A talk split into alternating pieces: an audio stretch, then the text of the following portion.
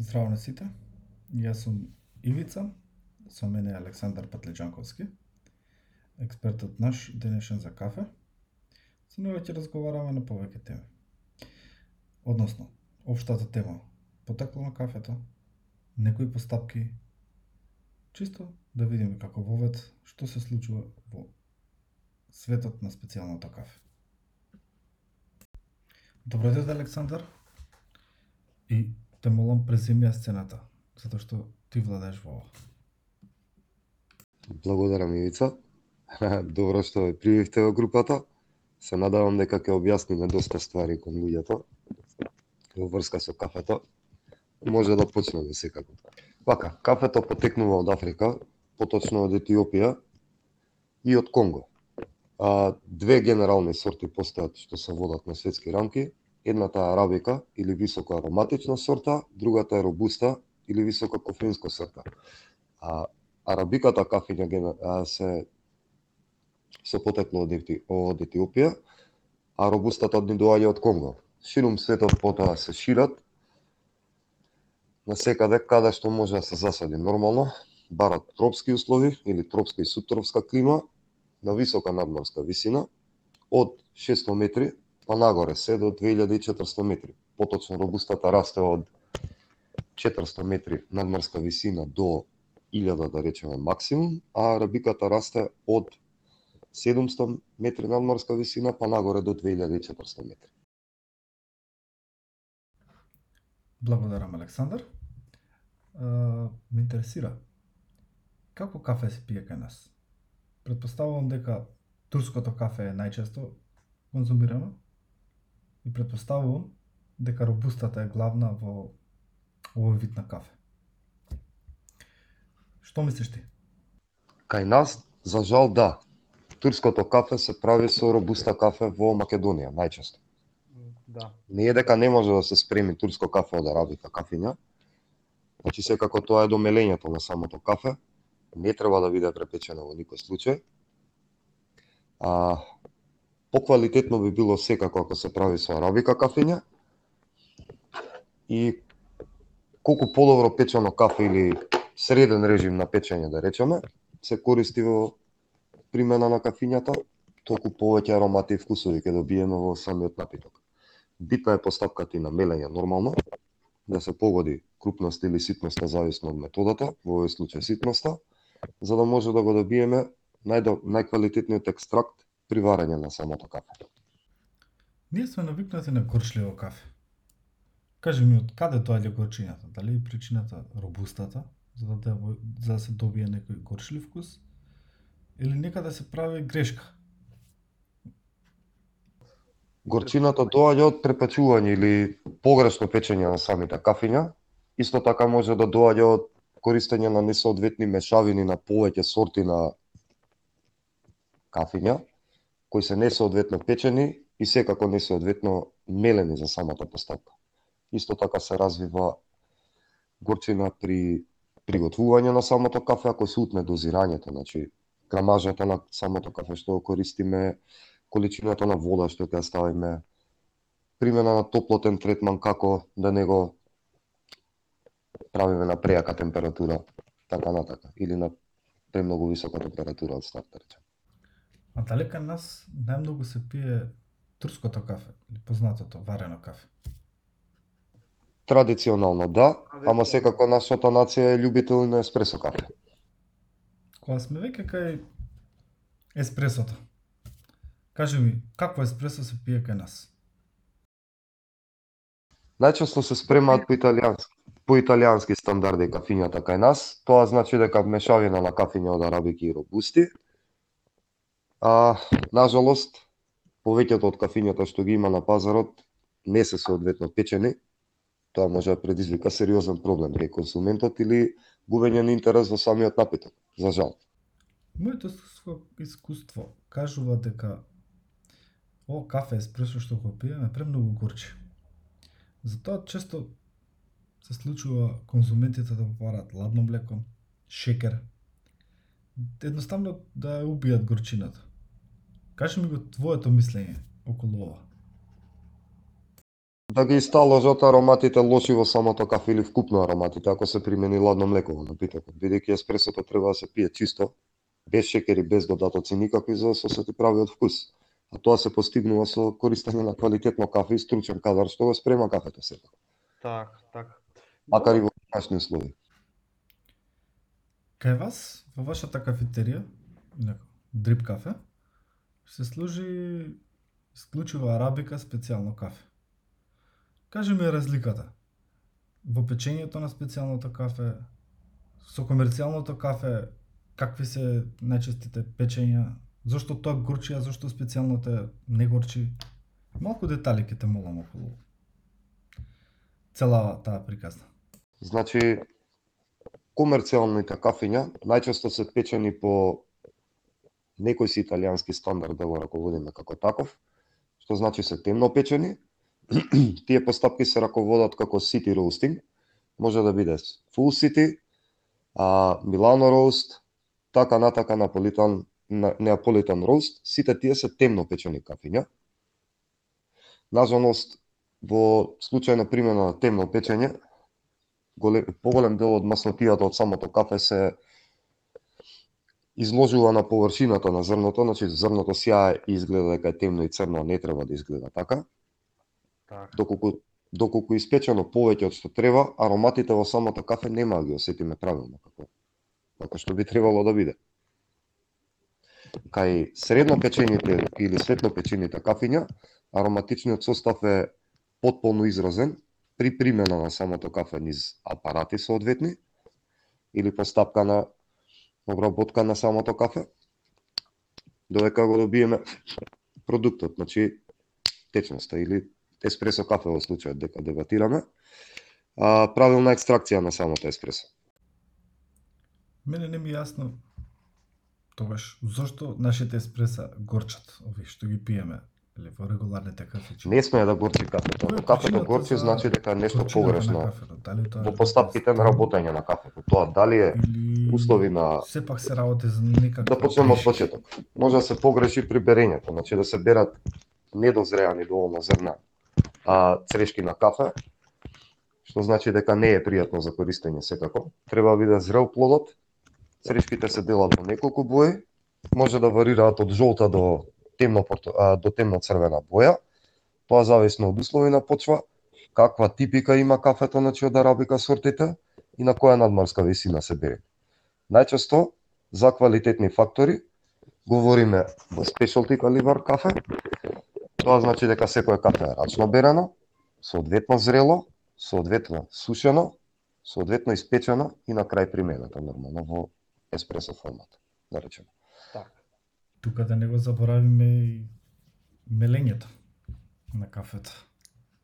Да, мелењето е еден од најклjuč од клучните фактори после печењето на кафето. Иначе најбитно нешто е како ќе се испече кафето, исто битен фактор е стручниот кадар кој го работи. Самото кафе после тоа. Значи ако човекот немал допир со апаратура за подготовка на кафе, во случајот мелница и кафемат, ако не се сетирани на правилен стандард, значи мелењето да биде ситно, Значи на површината на прстите кога ќе го допреме со меленото кафе треба да има конзистенција помеѓу талки и песок. Значи треба да нагребува на прстите и да се осеќа маснотијата на самото кафе. Понатака дозирањето, значи колку кафе би користеле, дали е за единична или дупла доза. Во спешалти култура обично не постои единична доза, него дупла се користи. За полниот а, вкус на кафето да се добие при екстракција. Понатака добро сетирана машина да постигнува температура над 90 степени, доколку е соодветно печено кафето. Притисок не ни треба повеќе од една атмосфера, во никој случај. Значи 9 0,9, а 9 бари се користи притисок од водовод, што ни стига. Добиваме екстракт во рок од 25 до 30 секунди, значи не треба да трае повеќе точењето на самото кафе, дали е за единична или дупла доза, без разлика, а крајниот фактор треба да имаме околу 30 до 36 грама кафе вкупно екстракт во солјата, кога ќе го извлечеме целото кафе. Се надевам дека ќе направиме специјална епизода за специјалното кафе во вид на еспресо и конкретно со самата еспресо постапка и би го објасниле тоа во детали. Овде само некои информативни податоци ни даде Патли, но мене повеќе ме интересира за специјалното кафе начинот на бодирање и тоа си има скалила некакви што се случува околу тоа патле дај објасни ни просветли не Има, значи, постои Cup екселен, Excellence скалило за оценување на самото кафе, тоа се работи за врни кафења. Значи, сите доаѓаат од посебни фарми. Бодирањето обично оди од 80 поени и над. Тоа значи, а, во тој случај кафето не спаѓа во специалити кофи калибар или спешалти кофи кај нас. А, тоа е кафе со врвен квалитет, недостапно за секој. Значи, врвни експерти го го работат самото кафе и го печат, се продава по повисока цена, да, али крајниот резултат е екстремно добар вкус на самото кафе. Тоа е да, тоа. тоа можам јас да посведочам. А, секако. А, бодирањето оди, значи, од 87 да фатиме до 94-5 поени ако добие кафето, тоа е екстремно добро, веќе спешалти кофи. Висок калибар на квалитет. Јас имам слушнато дека постојат различни региони мислам на континенти во специјалното кафе и околу нели single region blends ќе збориме понатаму, но чисто основно кои се регионите Да, разни региони постојат во светот каде што расте стварно квалитетно кафе. Значи, најчести примери имаме од Јужна Америка и Централна Америка, како најголеми производители на кафе од било кој калибар, дали е комерцијални или спешалти кофи. А малите или малите фарми или микролотовите што ги викаат, таму лежат најквалитетните кафења. А фармерите што ги работат самите по земени површини и растенија вложуваат многу голема грижа и труд околу самиот продукт што го берат на крај, значи трешките кафе. Кафето може да биде еднородно или двородно, зависно. А кој тип на, на зрна се работи? Пота и потоа следат постапки на обработка на самото зелено кафе. Од сушење до ферментирање на зрната, до перење зависно ако треба, печење и дистрибуција понатака. А секој од тие регионални кафиња подлежи под стандардизација според Cup of Excellence. Значи, на светски рамки постојат стотина суди од тој калибар. Еден од нив е Јордан Дабов, човекот што го пече кафето ние што го користиме. Ликовите одат по фармите или во регионите кај што се наоѓаат најдобрите фарми. Се одржува шампионат за да се види кој е најдобро и најчесто победникот достигнува маркет сума вон стандарди, за разлика од другите, да речем. Бидејќи е врно кап нормално. кажи ми повеќе како стига Дабов спешилти кафето кај нас како се пече малце повеќе детали околу пристигнувањето на на ова специјално кафе во нашиот регион. Дали е точно дека тоа нели е од фармите, а се пече во Бугарија?